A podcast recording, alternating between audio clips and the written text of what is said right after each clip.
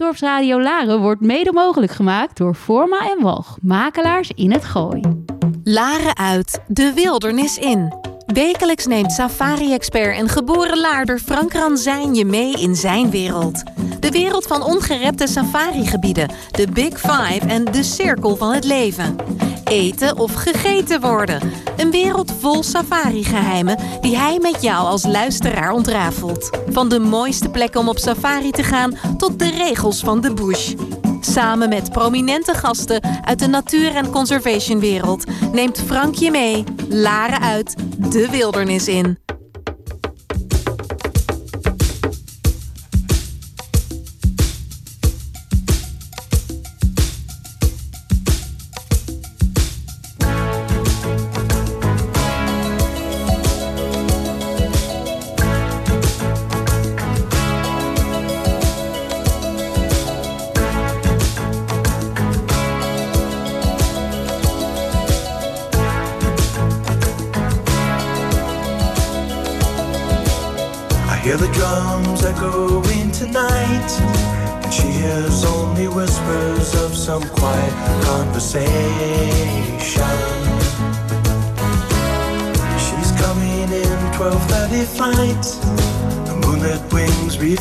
Stars that guide me towards salvation.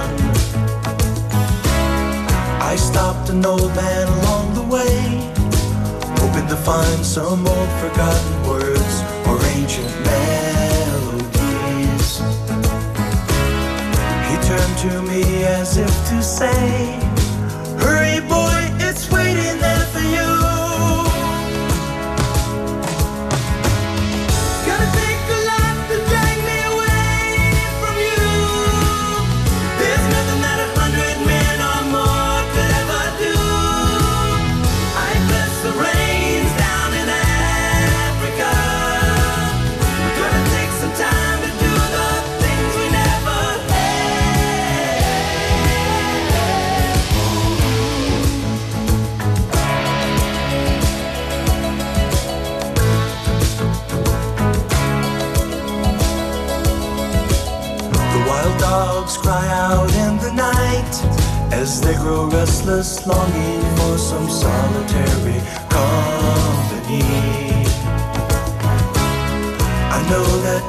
must do what's right, sure as Kilimanjaro rises like Olympus above the Serengeti.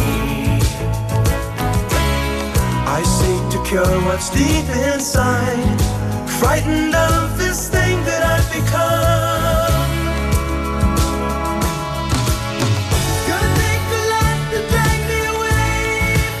Een hele goede middag, beste luisteraars van Dorpsradio Laren. En we zijn weer bij een nieuwe aflevering van Safari Geheimen. Het is woensdag 25 augustus, net over 5 uur. En de zomervakantie na- nadert haar einde ook. Bij sommigen van ons is het kroost inmiddels alweer naar school... en moeten we weer helemaal gaan wennen aan het ritme van alle dag. Ben je nu aan het koken of zit je nog gezellig met een goed glas wijn aan de keukentafel? Luister dan lekker mee naar een uurtje informatie en inspiratie over natuur en wildlife reizen in Afrika, India of elders. En waar gaan we het vandaag over hebben in deze uitzending? Nou, dat zal ik vertellen.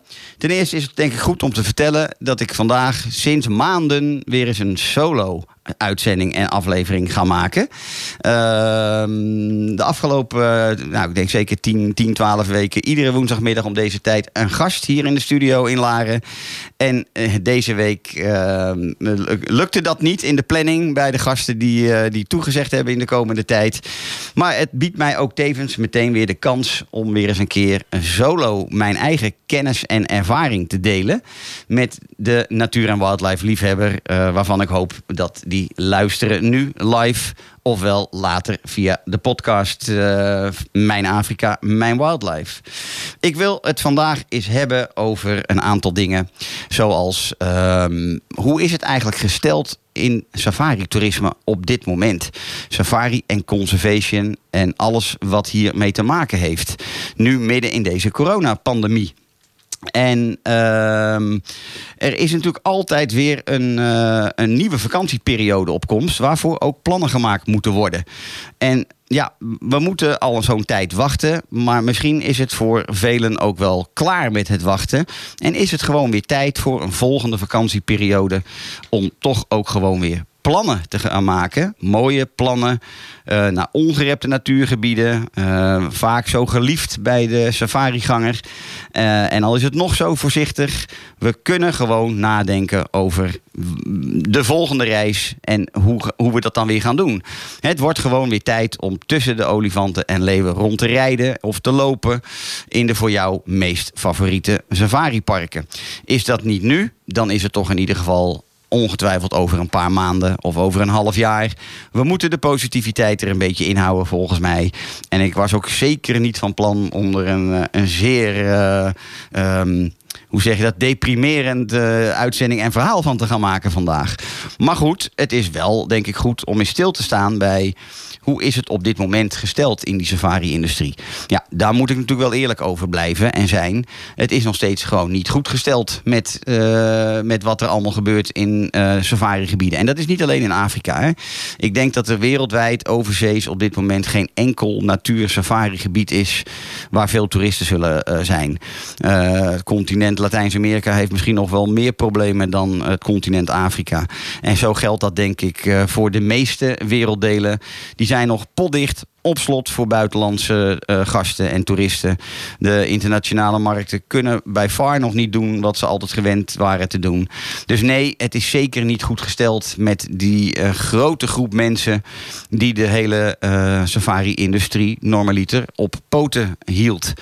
En ehm, ja, als je dan zegt van hoe is de situatie eigenlijk in de verschillende safari-landen ten tijde van de coronapandemie, dan moet je, daar is daar ook geen een, eenduidig antwoord op te geven. Het is per land enorm verschillend. Het is per land ook heel, soms gewoon onduidelijk, omdat eh, sommige regeringen ervoor kiezen om eh, misschien wel bepaalde nieuwsfeiten een beetje onder de pet te houden. Eh anderen daar wel meer open over zijn. Maar we weten in ieder geval redelijk zeker dat de vaccinatiegraad in de meeste Afrikaanse landen nog relatief laag is. Dat er ook daar, net als hier in Europa, eh, elke zoveel maanden weer nieuwe oplevingen met betrekking tot besmettingen gaande zijn. Eh, dat het economisch natuurlijk helemaal niet goed is gesteld in die landen. En al helemaal niet als je dat eh, toespitst op de reisbranche of toerisme. Ehm, als je dan, eh, eh, dat heb ik mezelf natuurlijk wel afgevraagd in de afgelopen periode. Hoe heeft het safari-toerisme in de bestemmingen eigenlijk kunnen overleven? Ehm, want die moeten toch, eh, ja, die moeten toch ook in, in de grootste problemen zijn geraakt. Nou, dat zal ongetwijfeld voor een groot deel ook zeker zo zijn. Echter, ehm, het is in Afrika vaak wel zo, en in, in heel veel meer, eh, wat, wat eh, meer lage lonen landen, waar wat meer armoede is dan bij ons hier in het eh, toch rijke Westen. Ehm, personeel ehm, wordt gewoon wat sneller naar huis gestuurd, of ook wel onlief genoemd, zoals ze dat daar dan noemen. De operaties zijn natuurlijk allemaal vorig jaar extreem afgeslankt. Personeel is inderdaad naar huis gestuurd. In de safari-industrie heb ik heel veel berichten gehoord van ehm, ja, Safari Lodge eigenaren of eh, bepaalde organisaties met heel veel personeel in dienst om die natuur toch te blijven beschermen. Die mensen hebben allemaal hun, ehm, hun, hun salaris wel doorbetaald gekregen.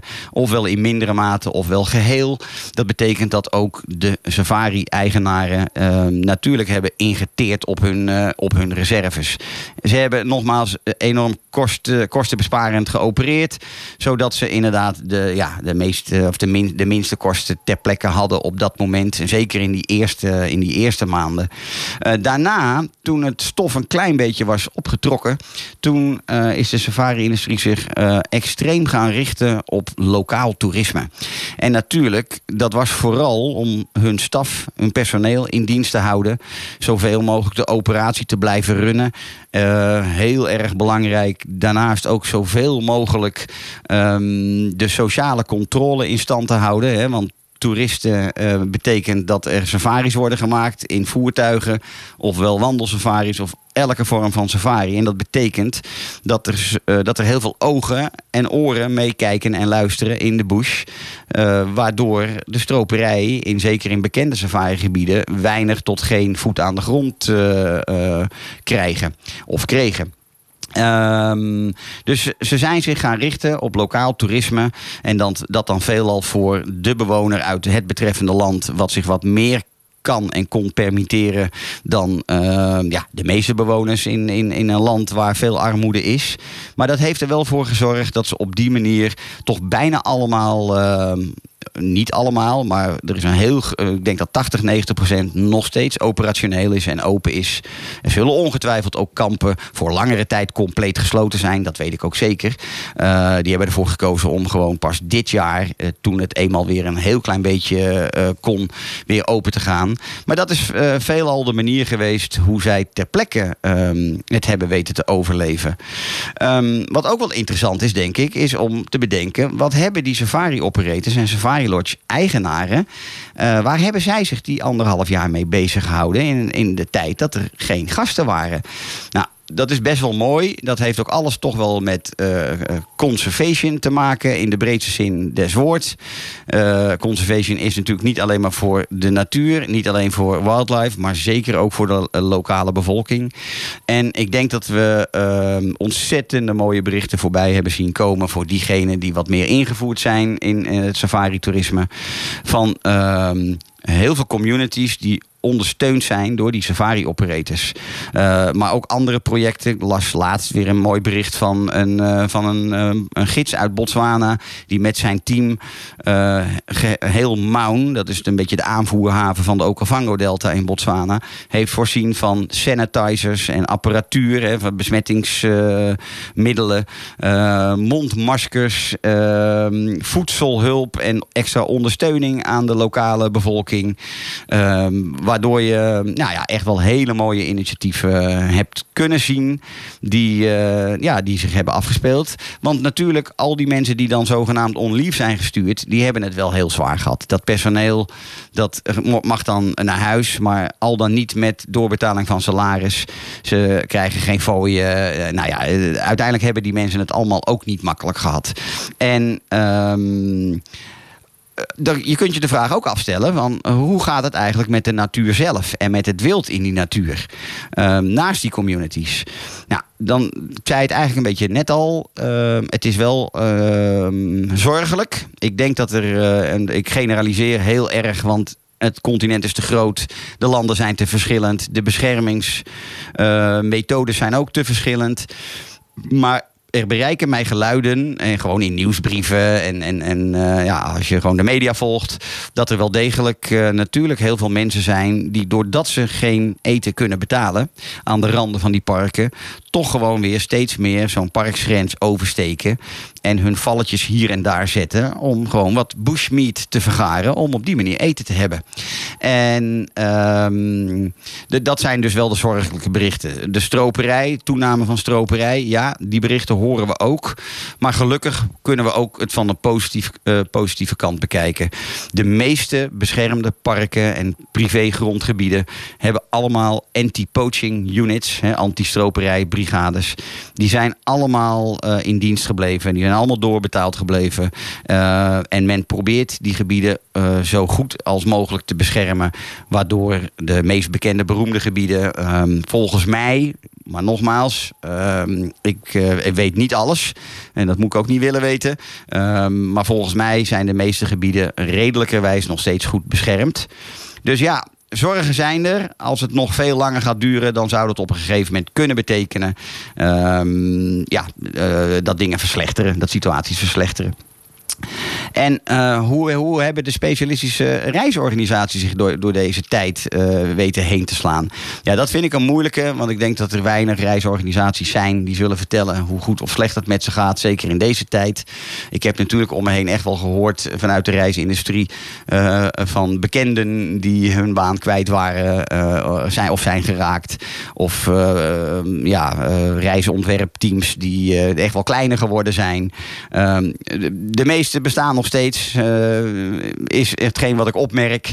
Eh, dus ze hebben zich er doorheen weten te slaan. Er zijn er ook een aantal die gewoon hun activiteiten hebben verschoven. Die eh, zich meer zijn gaan richten op de natuurparken hier in Europa. Ook in Europa gebeurt er erg veel op natuurgebied. Hè, met terugkomst van de wolven en de, de beren in bepaalde delen van Europa. Dus daar zijn ook mooie initiatieven gaande. En sommige van die reisorganisaties hebben zich daar ehm, ja, op gespecialiseerd. Dan denk ik dat we eerst even een mooi stukje muziek gaan doen. En dat is Afraid of the Dark van Chef Special. We pillow talking. Oh, how I long to be its friend. But I don't wanna end up in that same place again. I've been doing better, doing better. Been through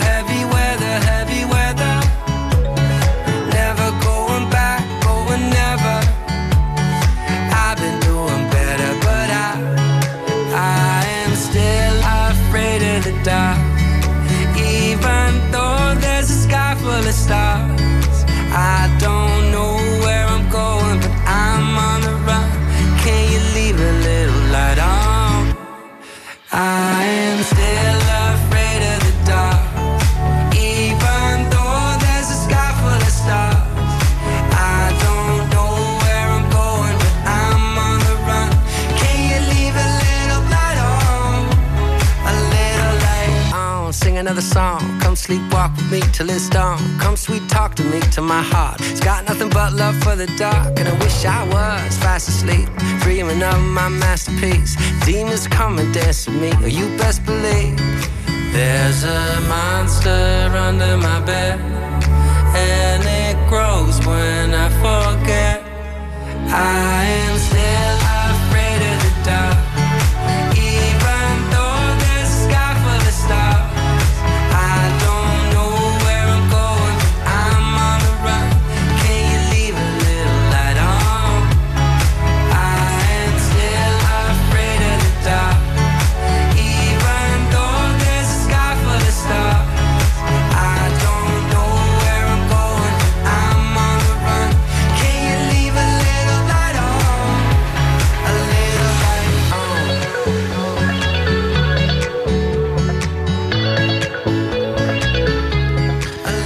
Ja, we gaan weer verder. En ehm, ik kom net tot de ontdekking dat ik, eh, wat ik normaal altijd wel doe, eh, me- mezelf altijd nog wel heel even introduceer. Heb ik vandaag niet gedaan. Maar goed, voor diegenen die me voor het eerst horen, mijn naam is Frank Ranzijn. Ik ben eh, van nature een natuur- en wildlife liefhebber, al mijn leven lang. En sinds eerder dit jaar oprichter van een klein travel design studio, Safari Secrets genaamd. Vandaar ook dit programma, Safari Geheimen in het Nederlands. Eh, veel mensen vragen mij dan ook eh, vaak van, ja, waar komt die naam eigenlijk vandaan? Nou, dat is op zich niet zo heel moeilijk. Ik heb ehm, in, inmiddels, eh, dat kun je in andere afleveringen van mij ook wel horen. Ik heb een achtergrond van 30 jaar reizen in Afrika en deels ook in India, ehm, in safari-gebieden. Eh, daarnaast ben ik al meer dan 25 jaar ehm, reisontwerper voor exclusieve safari-reizen geweest. En dat ben ik nog. En sinds eh, eerder dit jaar mijn eigen kleine onderneming gestart. Puur op basis van mijn persoonlijke kennis en ervaring. Ik eh, heb het idee dat ik beschik over echt veel safari-geheimen. Daarmee ook weer niet willen zeggen dat ik de enige ben die die geheimen kent. Want dat is zeker niet zo. Dat zou wel heel arrogant zijn. Maar dat neemt niet weg dat ik eh, voor heel veel mensen die zeker nog nooit op safari geweest zijn. of die nog bij far niet overal geweest zijn en er nooit genoeg van hebben. nog steeds heel veel safari-geheimen kan eh, en, en hoop te ontrafelen. Maar daarnaast heb ik een voorliefde voor eh, mensen te informeren en inspireren op het gebied van natuurbehoud en wildlifebehoud. Het zogenaamde eh, conservation travel. Ehm, nou ja, safari en conservation travel is dus wat ik doe. En ehm, ik probeer af en toe de luisteraar of de klant die bij mij komt om eh, vanuit Safari Secrets een reis geboekt te willen hebben, ehm, ja, te kunnen voorzien van een aantal mooie safari geheimen. Als we nu kijken naar hoe nu verder vanuit de coronapandemie. En hoe gaan we verder met het maken van plannen voor nieuwe reizen overzees. Zijn er überhaupt al landen open dan? Want je zou ook kunnen denken, nou die is eh, positief over reizen plannen terwijl er nog niks open is. Nou, dat is natuurlijk ook niet helemaal waar. We hebben inderdaad te maken met richtlijnen vanuit eh, het ministerie Buitenlandse Zaken, die op dit moment nog steeds eh, het afraadt om naar, bijna alle landen overzees te reizen, maar zeker ook naar de Afrikaanse landen. Sommige landen staan op non, non-essential only. Hè, dus dat als, je, er geen reden toe is, dan daar niet naartoe te reizen. Ehm, echter er zijn wel degelijk landen die uiteindelijk gewoon open zijn. KLM of elke andere airline vliegt gewoon naar eh, zijn netwerk toe. En zo vliegt KLM ook gewoon op Zuid-Afrika en op Kenia en op Tanzania. En zijn er andere landen die ze vroeger deden, die nu even stil liggen. Maar daar vliegen dan andere airlines wel weer op. En waarom ik dat zeg, is omdat ik gewoon de afgelopen weken maand merk en om me heen merk vanuit eh, mijn netwerk en mijn eh, kennissenkring, maar ook oud collega's of, of eh, ehm, ondernemers in de safari-toerisme, dat er toch gewoon inmiddels weer heel voorzichtig aan gereisd wordt. Een, eh, een goede vriend van mij, die ook eh, een paar maandjes geleden hier te gast was, Thomas de Sterk, die reist op dit moment in Tanzania. Eh, en zo heb ik een aantal mensen die gaan de komende week eh, naar verschillende landen in Afrika. En als je dan vraagt, ja, maar ehm, hou jij dus niet aan het advies? Ja, dan zeggen ze inderdaad, misschien wel terecht, maar dat is ook niet helemaal aan mij. Van, ehm, en, want dat, dat weet ik ook wel. Je komt al daar niet echt in aanraking met veel mensen. De twee, de twee eh, zorgelijke punten in een reis om met andere mensen in aanraking te komen, is het vliegtuig en een luchthaven. Nou, daar is gelukkig inmiddels ook wel het een en ander aan gedaan. Maar ter plekke in Afrika is het vrij simpel te bedenken dat je daar weinig tot niet met andere mensen in aanraking komt. Dan kun je zeggen, eh, wij hebben het hier altijd over de anderhalve meter maatschappij. Nou, ik heb het in mijn wereld over de anderhalve kilometer maatschappij. Of misschien nog wel groter soms, de 150 kilometer maatschappij. Diep in de bush van Afrika kom je wel in aanraking met mensen. Maar het zijn over het algemeen alleen maar de personeelsleden in jouw verblijfsplek. En ook die safari-organisaties hebben er in de afgelopen anderhalf jaar alles aan gedaan om weer open te kunnen. Net als wij hier in de horeca geprobeerd hebben het veilig open te krijgen, hebben zij het ook geprobeerd veilig open te krijgen. Daar hebben ze allerlei simpele maatregelen voor getroffen. Zodat je als, eh, als gast veel meer in een soort privé-situatie terechtkomt. Je eigen mini-bubbeltje terechtkomt. Of dat nou je echtpaarbubbel is, of dat het een, een gezinsbubbel of een familiebubbel is. Als je met drie generaties zou gaan reizen of met je kinderen gaat reizen. En ehm, natuurlijk wordt er voordat men alweer plannen gaat maken. eh, dat, dat doe je als reiziger denk ik zelf al. Maar dat doet jouw reisontwerper die jou assisteert bij het maken van plannen. En of ik dat nou ben met Safari Secrets of jouw eigen eh, favoriete eh, reisspecialist. Die checkt natuurlijk exact voor welk land er wat nodig is. Er zijn natuurlijk nog steeds landen waar je inderdaad met een corona, eh, met een volledige vaccinatie wel, eh, wel binnenkomt. Maar er zijn nog veelal landen waar je nog steeds een PCR-test moet kunnen overleggen. En dat ook vaak weer moet doen als je uitreist. Maar dat soort dingen worden natuurlijk allemaal goed gecheckt voordat je op dit moment natuurlijk eh, zegt van ja, ik ga dat inderdaad ook doen. Dan zijn er natuurlijk ook nog hele goede websites zoals Wijze op Reis, waar je ook heel veel goede informatie kan vinden. En de safari-specialist die jou van advies voorziet, die heeft, als het goed is, een erg goed netwerk in Afrika. Waarbij de agent ter plekke, die jouw reis ter plekke ook uitvoert, heel goed weet wat er zoal nodig is ehm, op het moment dat je zo'n land binnenkomt of weer gaat verlaten. Daarnaast vertelde verleden week iemand mij van ja, weet je, je moet natuurlijk ook even je verzekering checken.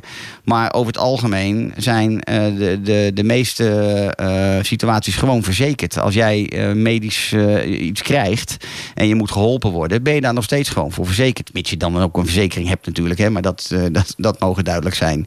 En ehm, als je met een reisorganisatie iets gaat doen, ja, die is verplicht jou nog steeds te repatriëren. Als jij een individuele reis boekt, een privéreis boekt, dan is repatriëring inderdaad natuurlijk wel iets om goed over na te denken. Zo ook, mocht je daar besmet raken, je zou in quarantaine moeten. Net als dat nu is als je in Europa op reis bent. Ja, dat zijn wel risico's die je in acht moet nemen voordat je zoiets gaat, eh, gaat doen. Het is denk ik wel de tijd voor ehm, de eerste stappen weer te zetten. En die worden denk ik vooral gezet door die mini-bubbels te creëren. Gezinnen met kinderen. Eh, drie generaties waarbij grootouders, ouders en kinderen eh, zo'n reis kunnen maken. Waarom? Omdat je die mini-bubbel ook echt kunt creëren. De privé safari villa's in de bush, die zijn talrijk dan hebben ze ter plekke 9 van de 10 keer voor jou eh, het zo geregeld dat de stafleden of de personeelsleden die jou, ehm, die jou servicen met betrekking tot, hè, neem eh, even een, eh, de, de persoon die jouw maaltijden serveert, de, de, de, de obers, de kelners, noem, noem het allemaal op. Dat zijn dedicated mensen op één boeking. Ehm, ze, ze dragen mondmaskers. Ehm, er worden ook nogmaals daar, er wordt van alles aan gedaan zodat jij met zo min mogelijk mensen in aanraking komt. Als je in een privé villa eh, verblijft, dan rij je ook met een privé Land Rover in de bush. En dan zul je ook een privé gids hebben, eh, waardoor jij niet continu wisselt van contacten met andere mensen. Dit allemaal om een eh, zo veilig mogelijke situatie te creëren. En het is natuurlijk ook volgens mij de tijd om in ieder geval na te denken, niet per se om morgen te vertrekken, maar om na te denken over de komende vakantieperiodes eh, die er dan weer zijn in het komende jaar. Vergeet niet dat ontzettend veel reizen zijn uitgesteld. En die zijn al twee keer uitgesteld. En de geruchten zijn er ook al dat beschikbaarheid volgend jaar best nog wel eens een, ja, een dingetje zou kunnen zijn. Omdat er natuurlijk al heel veel eh, geboekt staat. Weliswaar twee jaar uitgesteld. Maar het is natuurlijk wel het moment om de nieuwe vrijheid weer te vieren. We moeten ook een beetje positief blijven, heb ik aan het begin al gezegd. Eh, jubilea vieren die niet gevierd zijn. Eh, diploma's, eh, be- behaalde diploma's vieren wat niet kon. Het is het moment om met jouw gezin of met jouw familie of met jouw partner uiteindelijk weer te genieten van wat die wereld zo bijzonder en mooi maakt. En eh, als jij al een safari-liefhebber was en een natuur- en wildlife-liefhebber was, dan wil je niks liever dan dat weer ervaren. En ja, dat is één. Hè? Dus je moet ook weer ergens naartoe kunnen dromen. Ehm, ten tweede is denk ik eh, eh, duidelijk geworden dat mensen zijn anders gaan reizen. The way to travel op het moment is slow travel. Hè, vroeger was het zo, en vroeger klinkt al heel ver weg, anderhalf, twee jaar geleden. Toen was het vooral zoveel mogelijk plekken aandoen in een land. Om maar zoveel mogelijk verschillende eh, regio's en parken te zien. Ik ben daar nooit een grote voorstander van geweest. Dat was al, al wel gelukkig een beetje aan het veranderen. Maar nu is het echt slow travel. Veel reizigers, of die reizigers die nu reizen, die kiezen ervoor. Ehm, je komt aan in een hoofdstad van een land. Je pakt ofwel de volgende dag je, je, je, de privéauto met privégids die jou naar een bepaalde safariplek brengt. Ofwel je vliegt in een, eh, kleine Cessna met weinig mensen. Of geheel privé. Als je helemaal geen andere mensen om je heen wil hebben, dan boek je een korte Cessna-vlucht naar een van jouw favoriete safari-plekken. En blijf daar gewoon niet meer twee of drie dagen, maar blijf daar gewoon een week. Uh, het scheelt ook nog eens in de kosten, want vergis je niet, iedere twee dagen verkassen uh, betekent ook kosten. En zeker als je dat vliegend doet. Dan zijn dus die safaris steeds meer privé geworden. De safari-verblijven zijn steeds meer privé geworden. Heel veel safari-kampen hadden altijd al familiekamers... waarbij je met, uh, ja, als ouders en kinderen gewoon je eigen kamer hebt. De privé-villa's waar je vaak tot tien mensen in kan. Al, genoemd natuurlijk, zijn heel populair op dit moment. Zeker om die nieuwe vrijheid te vieren. Dan worden de maaltijden tegenwoordig steeds meer privé ge, uh, geserveerd. Dat was voor corona ook wel anders. Dan werd er heel vaak gezamenlijk gedineerd. Ook om ja, de, de, het hele sociale aspect juist heel erg te bevorderen. Om verhalen uit te wisselen. Dat is op dit moment uh, misschien allemaal wat minder. Men is zich gaan richten op nieuwe safari-activiteiten. Om het hele activiteitenpalet op reis gewoon veel gevarieerder te maken dan dat het misschien eerst al was. Er is veel meer mogelijk op het gebied van conservation en community activiteiten en projecten eh, bezoeken en ondersteunen. Eh, maar ook meer inzicht krijgen in wat, eh, wat doet die lokale bevolking dan om in zijn levensonderhoud te voorzien. Meer interactie met, met de lokale bevolking. En dat, wat altijd tot de, tot de verbeelding spreekt, is natuurlijk de interactie met de Maasai eh, of met de Samburu in Kenia en Tanzania. Ehm, ja, daar wordt gewoon allemaal wat meer tijd aan besteed. Ik noem het altijd zo: het wordt weer tijd van de lanen uit en de wildernis in. We moeten er toch weer een keer uit met z'n allen. Nou, tot slot in dit blokje mijn advies. Schakel een ervaren safari-specialist in. Met contacten in al, alle landen. En ehm, een, een, ehm, een, een goede safari-specialist die de landen goed kent, die de plekken goed kent. Die weet waar je inderdaad weinig tot geen andere mensen tegenkomt. Die weet die safari-geheimen te vinden. Waardoor jij de droomreis van je leven, de once in a lifetime safari gaat krijgen. Dat kun je doen bij Safari Secrets met meer dan 30 jaar reiservaring. En meer dan 800 safari-plekken die ik heb mogen bezoeken in, eh, in die afgelopen 30 jaar. Maar nogmaals, je kunt dat natuurlijk doen bij iedere eigen favoriete club waar je dat zou willen doen. Het is tijd voor muziek. En volgens mij gaan we luisteren naar. Aha.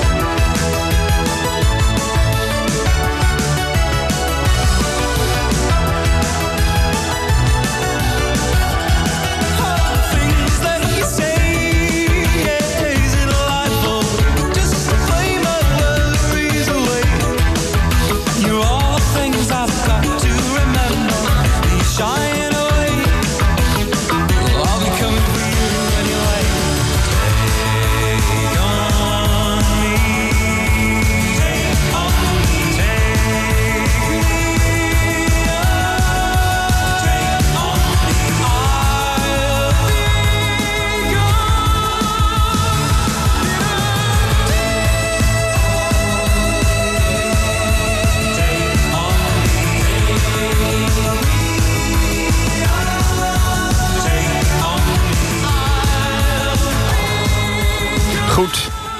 Ik wil eh, de vraag eens neerleggen van eh, de ultieme safari-beleving. Bestaat deze eigenlijk wel? Nou, ik denk het niet. Want ik denk dat ieder, eh, iedere reiziger, iedere natuur- en wildlife-liefhebber... ehm, ja, zo zijn eigen favoriete kenmerken heeft rondom zijn Afrika-reis. Of waar dan ook. Hè. Ik bedoel, dit, ditzelfde kun je ook loslaten op een safari-reis in India... of een safari-reis in de Pantanal eh, in Latijns-Amerika of in de Amazone. Ehm, het gaat er meer om dat ik eh, de luisteraar eigenlijk ook gewoon een klein beetje wil meegeven... van er is niet zoiets als een ultieme safari-bestemming of eh, safari-beleving. Want voor sommigen...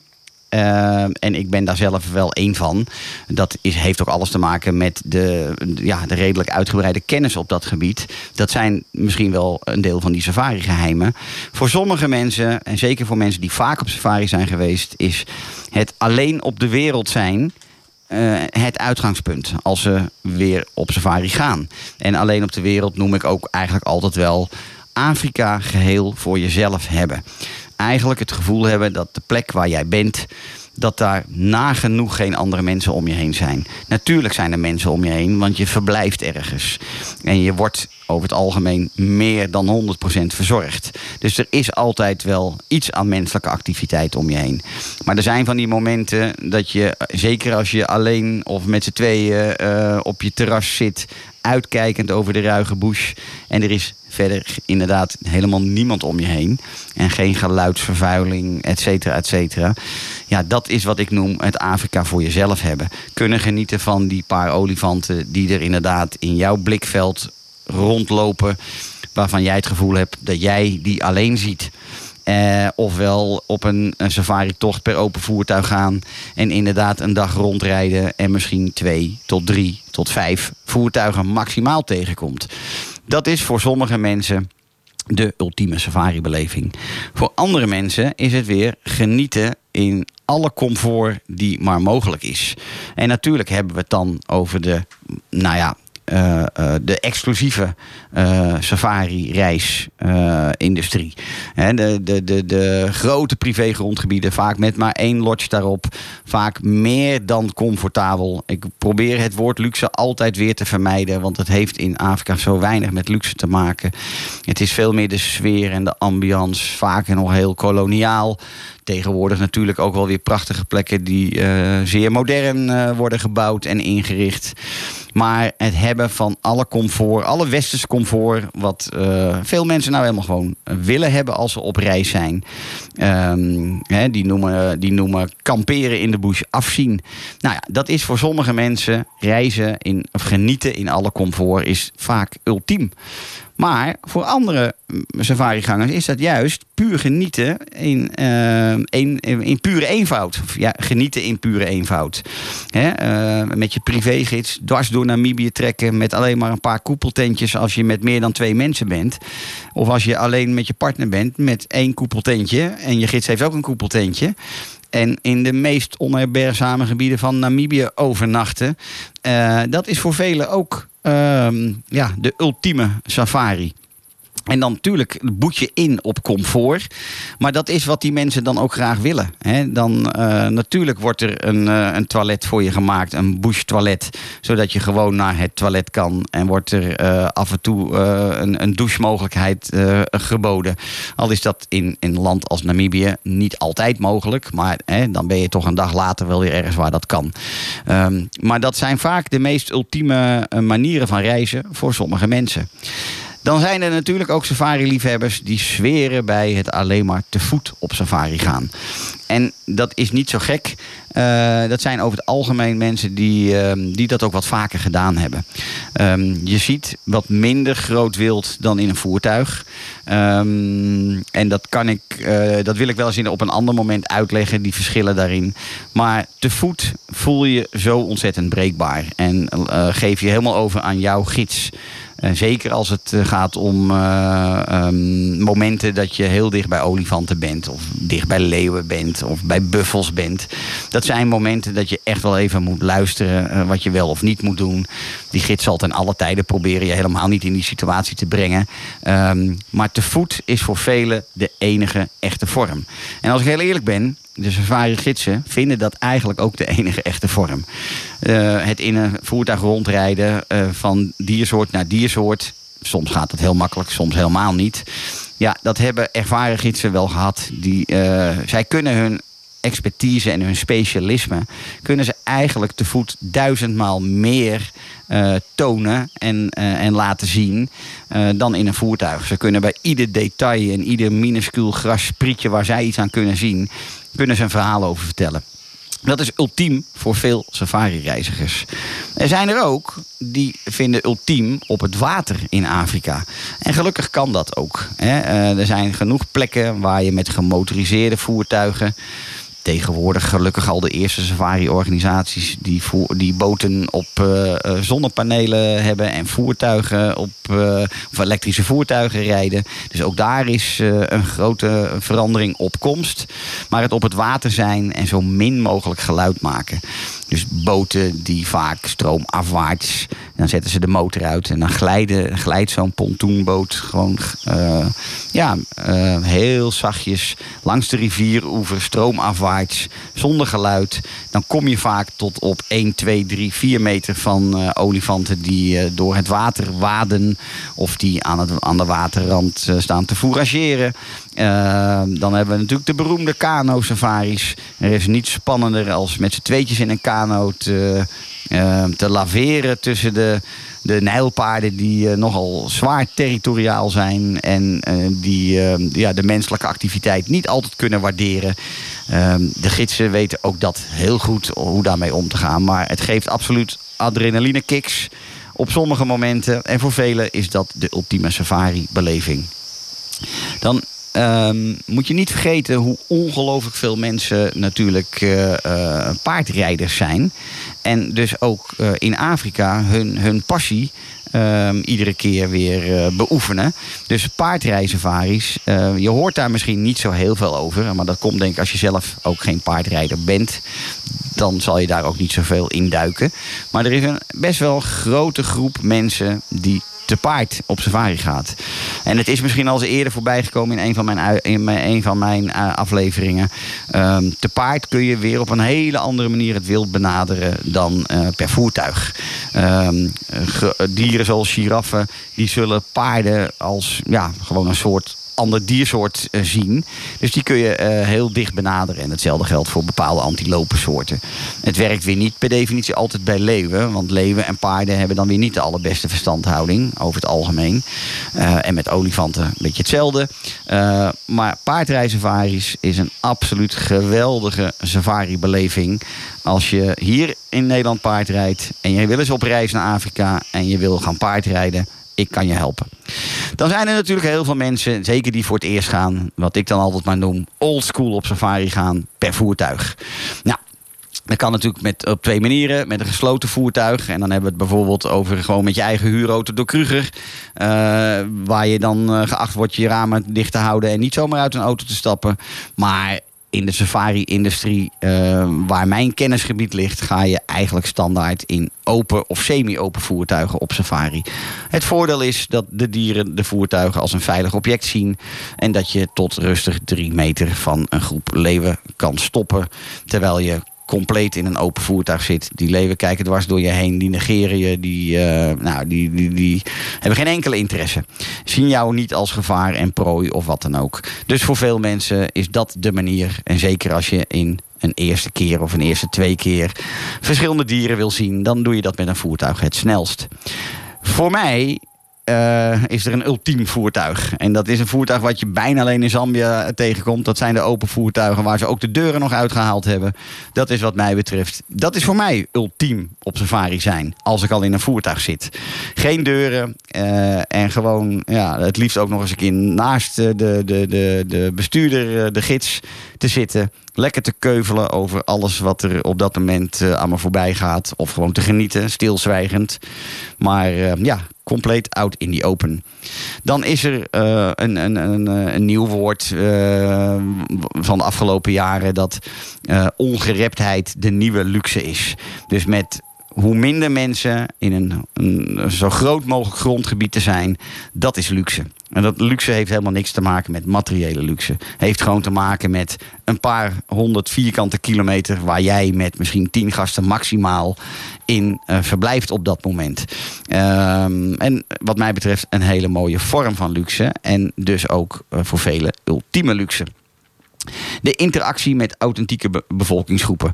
Voor veel mensen is dat veel belangrijker dan alleen maar die leeuw of dat luipaard of die olifant te gaan spotten. En dat kan op sommige plekken nog. Hè. Het wordt steeds moeilijker. We weten allemaal dat ook de Himba-bevolking in Noord-Namibië eh, steeds meer bloot worden gesteld aan westerse toeristen. Dat ook zij hun, eh, hun eeuwenoude culturen heel langzaam kwijtraken. Ehm, ondanks dat ze nog steeds gelukkig eh, be- eh, Himba-dorpen nog steeds helemaal leven zoals ze dat al eeuwenlang doen. Datzelfde geldt voor de Maasai en de Samburu in, in Kenia en Tanzania. Sommige van de Maasai hebben inmiddels gewoon een mooi huis in Nairobi, omdat ze het goed hebben gedaan in, in hun leven als professional safari guide of op een andere manier. Veel Maasai hebben gestudeerd in eh, de Verenigde Staten op goede universiteiten. Dan leven ze een aantal eh, weken, maanden per jaar in Nairobi en een aantal maanden compleet nog volgens de eeuwenoude tradities. Dan is het o zo belangrijk, denk ik, dat de, ehm, ehm, als je op safari gaat, dat een gids breekt of maakt jouw safari.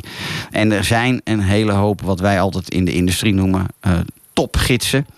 Eh, en dat zijn niet alleen maar topgidsen vanuit het perspectief van kennis en ervaring. Het zijn mensen met een bepaald karakter. Het zijn de karakters die eh, het ehm, heel goed doen als host. Die heel goed weten eh, met iedere gast om te gaan. Veel gevoel voor humor hebben. zich instantly aanpassen aan de gast met wie ze op reis zijn.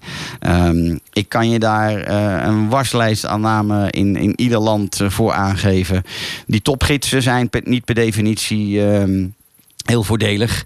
Die laten zich eh, natuurlijk inhuren voor best wel pittige dagprijzen. Dat kan tenminste. Dat is ook niet altijd zo. Soms heb je ook het geluk om met een lotje-eigenaar, wat een topgids is, eh, een, een safari te mogen maken. Dat gebeurt ook. Maar ehm, gidsen zijn o zo belangrijk. En gidsen is misschien wel het tweede wat voor mij een ultieme safari maakt. Nou. Dan eh, denk ik dus dat we dat onderdeel eh, eh, wel gehad hebben. Ultiem is voor mij ook ruimte. Hè, de ruimte in de Serengeti. Als je naar de minder bekende delen van de Serengeti gaat. Of de ruimte van Katavi in Tanzania. De ruimte van, ik kan er zoveel opnoemen. Namibië. waar je 100 kilometer kunt rijden en verblijven zonder andere mensen tegenkomen. Maar ook ultiem vrijheid in de lucht. Door middel van het, ehm, ja, een private safari met je eigen privévliegtuig en je eigen, eh, je eigen privé piloot-gids. Ehm, in sommige landen heel populair en ja, kostbaar. Maar het is absoluut een vorm van een ultieme eh, beleving.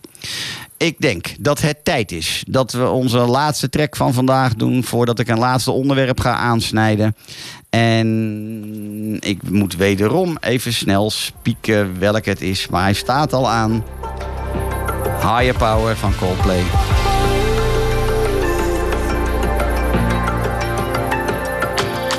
Sometimes I just can't take it.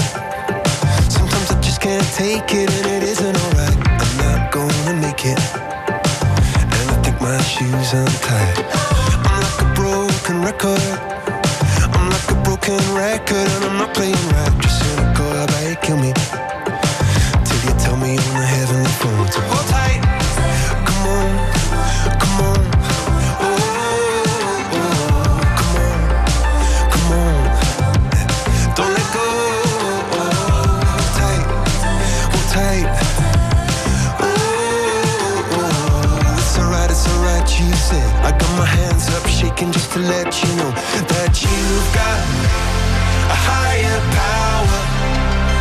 Singing every second, dancing every hour. Oh yeah, you've got a higher power, and she really someone I wanna know.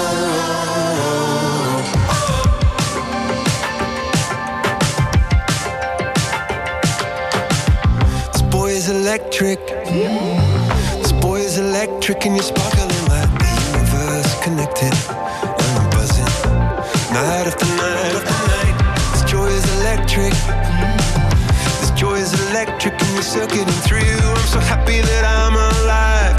Happy I'm alive at the same time as you, cause you've got a higher power. Got me singing every second, dancing every hour. Oh yeah, you've got a higher power, and you're really someone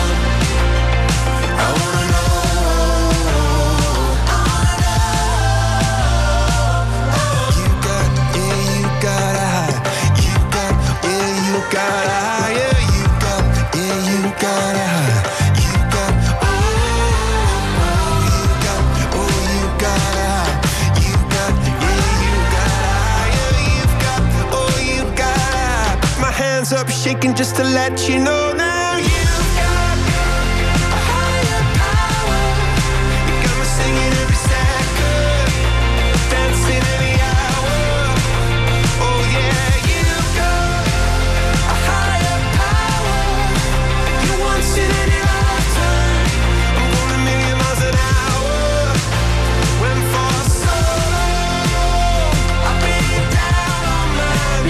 gewoon weer omgevlogen. Dat had ik eigenlijk helemaal niet verwacht. Eh, maar goed, het is toch gebeurd. Dat betekent dat ik nog meer dan voldoende gesprekstof heb om eh, ja, weer eh, mooie volgende afleveringen mee te vullen. Ik had een hele hoop meer staan waar ik het over wilde hebben vandaag. Maar dat geeft niet. Ehm, ik, ik hoop dat het een waardevol, informatief uur is, uurtje is geweest. Wil je nou meer informatie hebben, dan kun je mij bereiken op een aantal manieren. Je kunt ten eerste een eh, mailtje sturen naar info@safarisecrets.nl. Dat is één. Je kunt ook naar mijn website www.safarisecrets.nl. Daarin staan al mijn podcastafleveringen eh, van de afgelopen maanden ook. Dus dan kun je ook nog eens terugluisteren als je zou willen of als je een deel daarvan gemist hebt. Ehm, zoals gezegd, Safari Geheimen is onderdeel als podcast eh, Mijn Afrika, Mijn Wildlife. Die hele podcastserie staat dus op mijn website. En daarnaast ehm, is Safari Secrets eh, een plek waar je naartoe kunt als je wil dat je geholpen wordt bij het samenstellen van een mooie safari-reis door een zeer ervaren reiziger en een zeer ervaren reisontwerper. Bel me op of eh, stuur een e-mail en eh, je vindt de contactgegevens wel. Dan wil ik voor vandaag enorm danken de technicus van dienst, Fred Lanson. Ehm, misschien treffen we Fred nog op een ander moment. Want eh, Fred is ook wel veel in Afrika geweest. En daar had ik het eigenlijk ook nog met hem over willen hebben. Maar dat komt een andere keer. En ehm, ik wens u allen een hele mooie avond. En natuurlijk weer tot volgende week woensdag, 5 uur.